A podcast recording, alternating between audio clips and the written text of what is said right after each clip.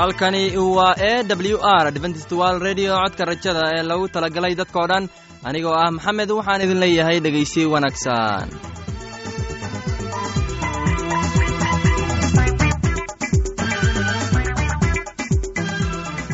barnaamijyadeena maanta waa laba qaybood qaybta koowaad. Waxaad ku maqli doontaan barnaamijka nolosha qoyska. Uu inoo soo jeedinaya heegan kadib waxaa inoo raacaya cashar inaga imaanaya bugga nolosha. Uu inoo soo jeedin doono sulaymaan. Labadaasi barnaamij ee xiisaha leh waxaa inoo dheer heese daabacsan oo aynu idiin soo xulnay kuwaasoo aynu filayno inaad ka heli doontaan. Dhegeystayaasheenna qiimaha iyo khadradda lehow waxaynu kaa codsanaynaa inaad barnaamijkeenna si habboon u dhegaysataan. Haddii aad wax su'aalaha qabto ama aad haysid wax tale ama tusaale fadlan inala soo xiriir dib ayaynu kaga sheegi doonaa ciwaankeenna. Bal intaynan u gudagelin barnaamijyadeena xiisaha leh waxaad marka hore ku soo dhowaataan heestan daabacsan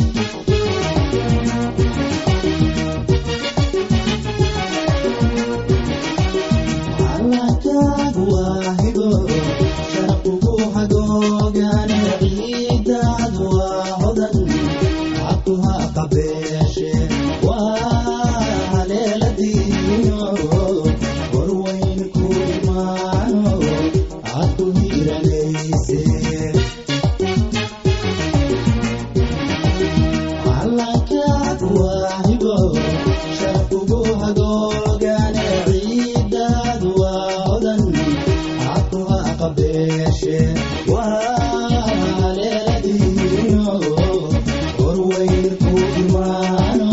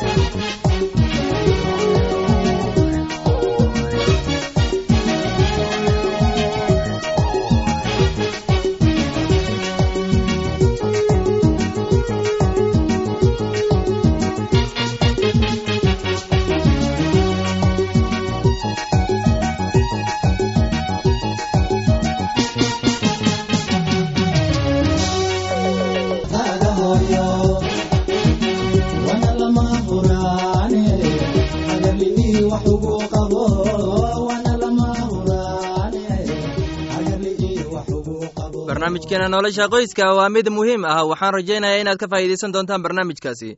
Barnaamijku wuxuu ka hadli doonaa gabdhaha dhallinyarada ah. Qaybta koowaad waxaana inoo soo jeedinaya hegan ee dhegeysi wanaagsan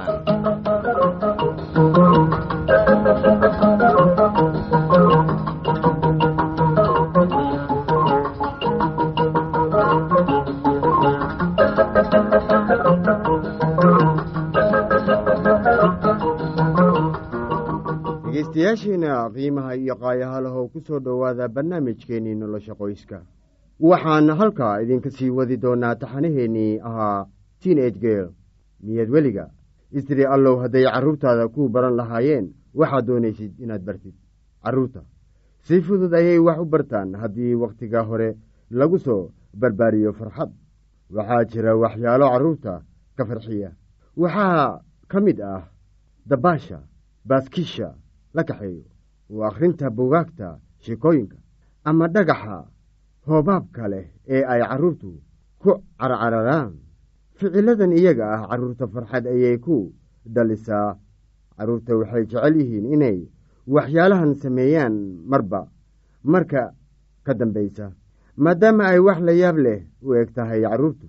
Xitaa waxay farxad dhab ah ka helaan shaqaynta. Marka ay farxad ka helaan qabashada ficil waxay jecel yihiin inay mar labaad ina caawiyaan mustaqbalka. Mar kasta oo si farxad leh inoogu shaqeeyaan dabeecadda caawimaadda ee faa'iidada leh ayaa loo xoojiyey. Xitaa canuga saddex jirka ah waxa uu farxad ka helayaa marka uu kuwo kale wax u samaynayo khaasatan haddii loo qoslo oo lagu yidhaahdo waad mahadsan tahay. Waxaad u dirsan kartaa inuu kabo kaaga soo saaro sariirta hoosteeda ama weel kaaga soo qaado miiska raashinka.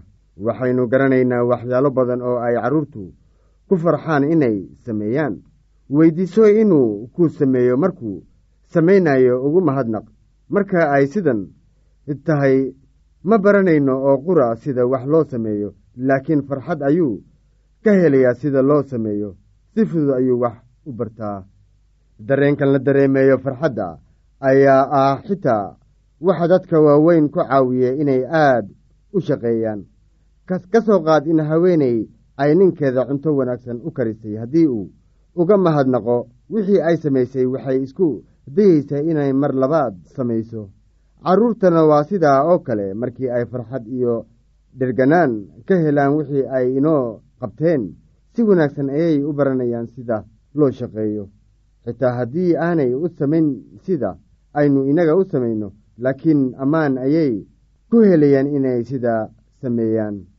Hab kale oo wanaagsan oo wax lagu barto ayaa wax waxa uu yahay ku dayashada marka ay hooyadu ka shaqaynayso beerta oo ay falayso canuguna waxa uu soo qaadanayaa ul oo waxa uu iska dhigayaa isagana mid wax falaya isaga oo ku dayanaya iyada canuga laba jidhka ah waxa uu xidhanayaa kabaha aabbihiis oo isku dayaya inuu ku socdo. Maxaa wacay? Waxa uu arkay isaga oo gashanaya. Isaga ayuu ku dayanayaa gabadha. Lix jidhka ah waxay doonaysaa inay kariso shuurada. Maxaa yeelay waxay aragtay hooyadeeda oo karinaysaa marar badan. Waxaana jeceshahay inay sidaa samayso.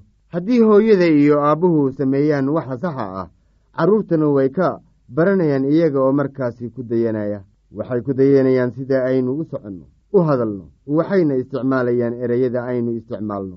Way dhegaysanayaan islamarkaasi aynu la hadlayno. Deriska ha ahaado hadal qabow mid murun mid saaxiibtinimo ama mid isdacayadayn ku salaysan.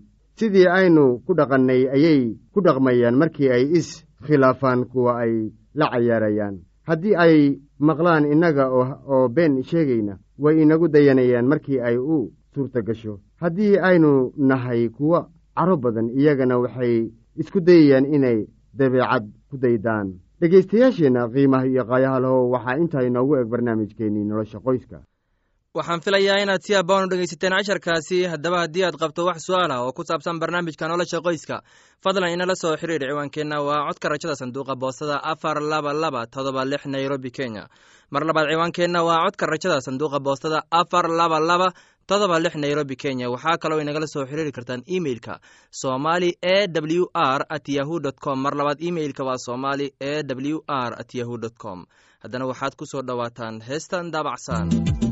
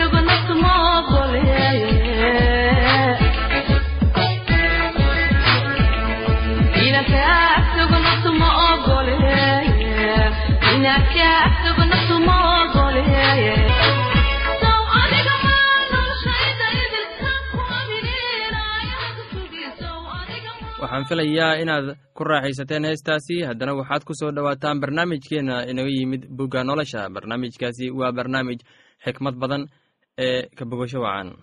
Oo malaa'igtii rabbigu waxay ku tiri iyadii bal eeg uur baad leedahay oo wiil baad dhali doontaa magaciisana waxaad u bixin doontaa ismaaciil. Maxaa yeelay rabbigu waa maqlay dhibaatadaadii oo dadka dhexdiisa wuxuu ku noqon doonaa sida dameer banjoog ah.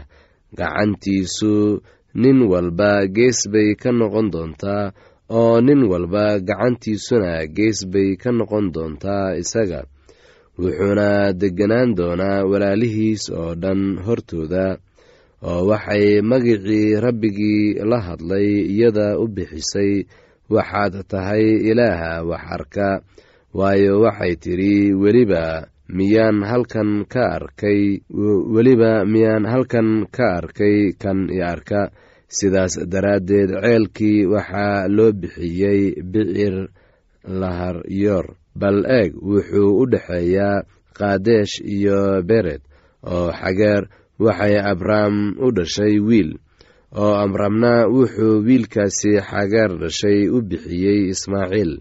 Abrahamna wuxuu jiray lix iyo siddeetan sannadood markii ay hagaar ismaaciil u dhashay abraham oo markuu abraham jiray sagaal iyo sagaashan sannadood ayaa rabbiga u muuqday oo wuxuu ku yidhi waxaan ahay ilaaha qaadirka ah hortayda ku soco oo mid eedla ahow oo axdigaygan kula dhigan doonaa oo aniguna aad baan ku tarmin doonaa markaasuu abraham wejiga u dhacay oo ilaah baa la hadlay isagoo ku leh bal eeg axdigaygii waa kula jiraaye oo adigu qurumo badan baad aabbe u noqon doontaa magacaagana mar dambe lama odhan doono abraham laakiin se magacaagu wuxuu noqon doonaa ibraahim.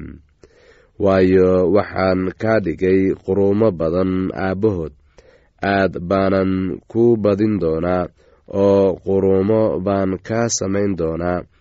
Boqorona way kaa soo bixi doonaan oo axdigayga waxaan ku adkayn doonaa dhexdaada iyo farcankaaga kaa dambeeyaba tan iyo qarniyadooda oo dhan waana axdi weligiis waara. Kaas oo ah inaan adiga ilaah kuu noqdo iyo farcankaaga kaa dambeeya. Oo waxaan ku siin doonaa adiga iyo farcankaaga kaa dambeeyaba dhulkii aad sodcaalka ku ahayd kaas oo ah dalka kancaan oo dhan inuu idiin ahaado hanti aad weligiin lahaataan. Aniguna waxaan ahaan doonaa ilaahood oo ilaah wuxuu ibraahim ku yidhi adigu waa inaad axdigayga xajisaa adiga iyo farcankaaga kaa dambeeyaba tan iyo qarniyadooda oo dhan kan waa axdigayga aad xajin doontaan oo inoo dhexeeya aniga iyo adiga iyo farcankaaga kaa dambeeyaba. Mid kasta oo lab oo idinku jira waa in la gudaa oo waxaad iska gudi doontaan buuryadiinna.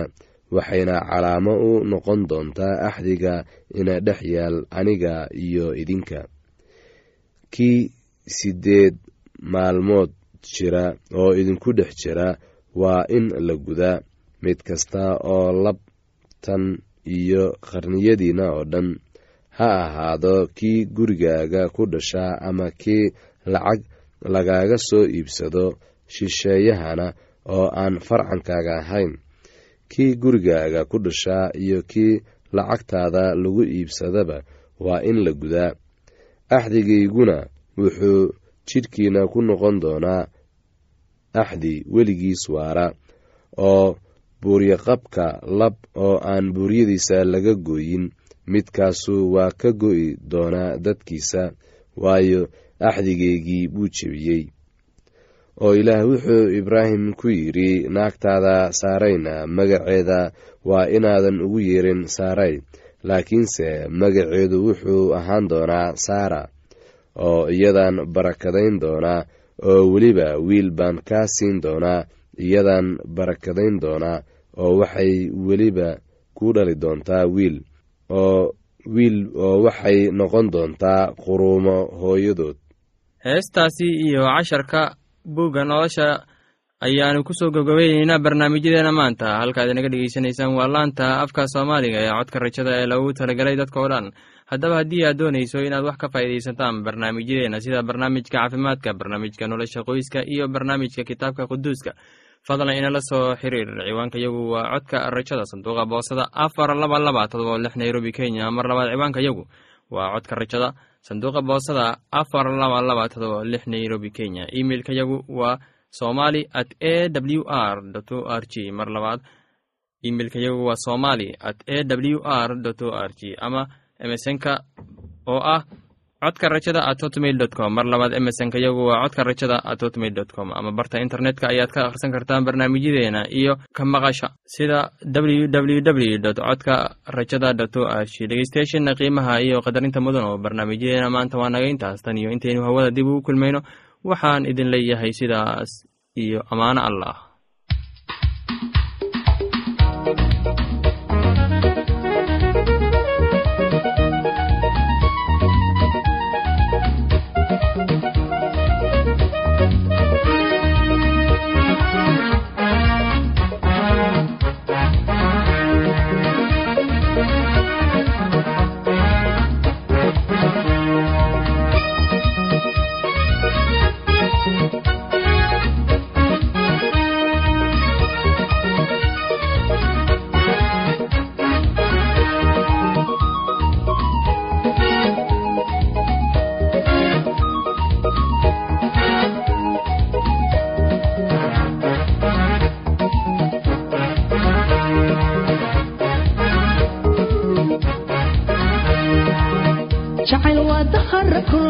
hadhibaha kula soo desro jacayl waa daqara kul hadhibaha kula soo desro dareen weeye aan hadhay intaa kala durugsantiin miday naftu damacsanayd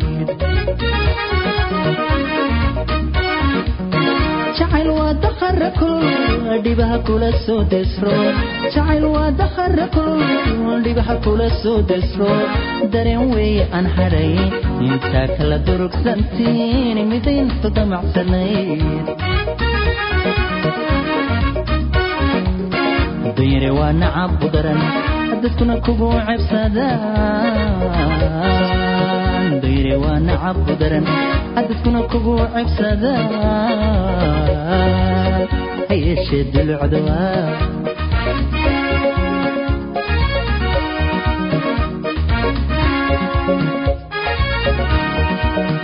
waa dayri waa nacab u daran dadkuna kugu cebsadaan dayri waa nacab u daran dadkuna kugu cebsadaan ha yeeshee dulucda waa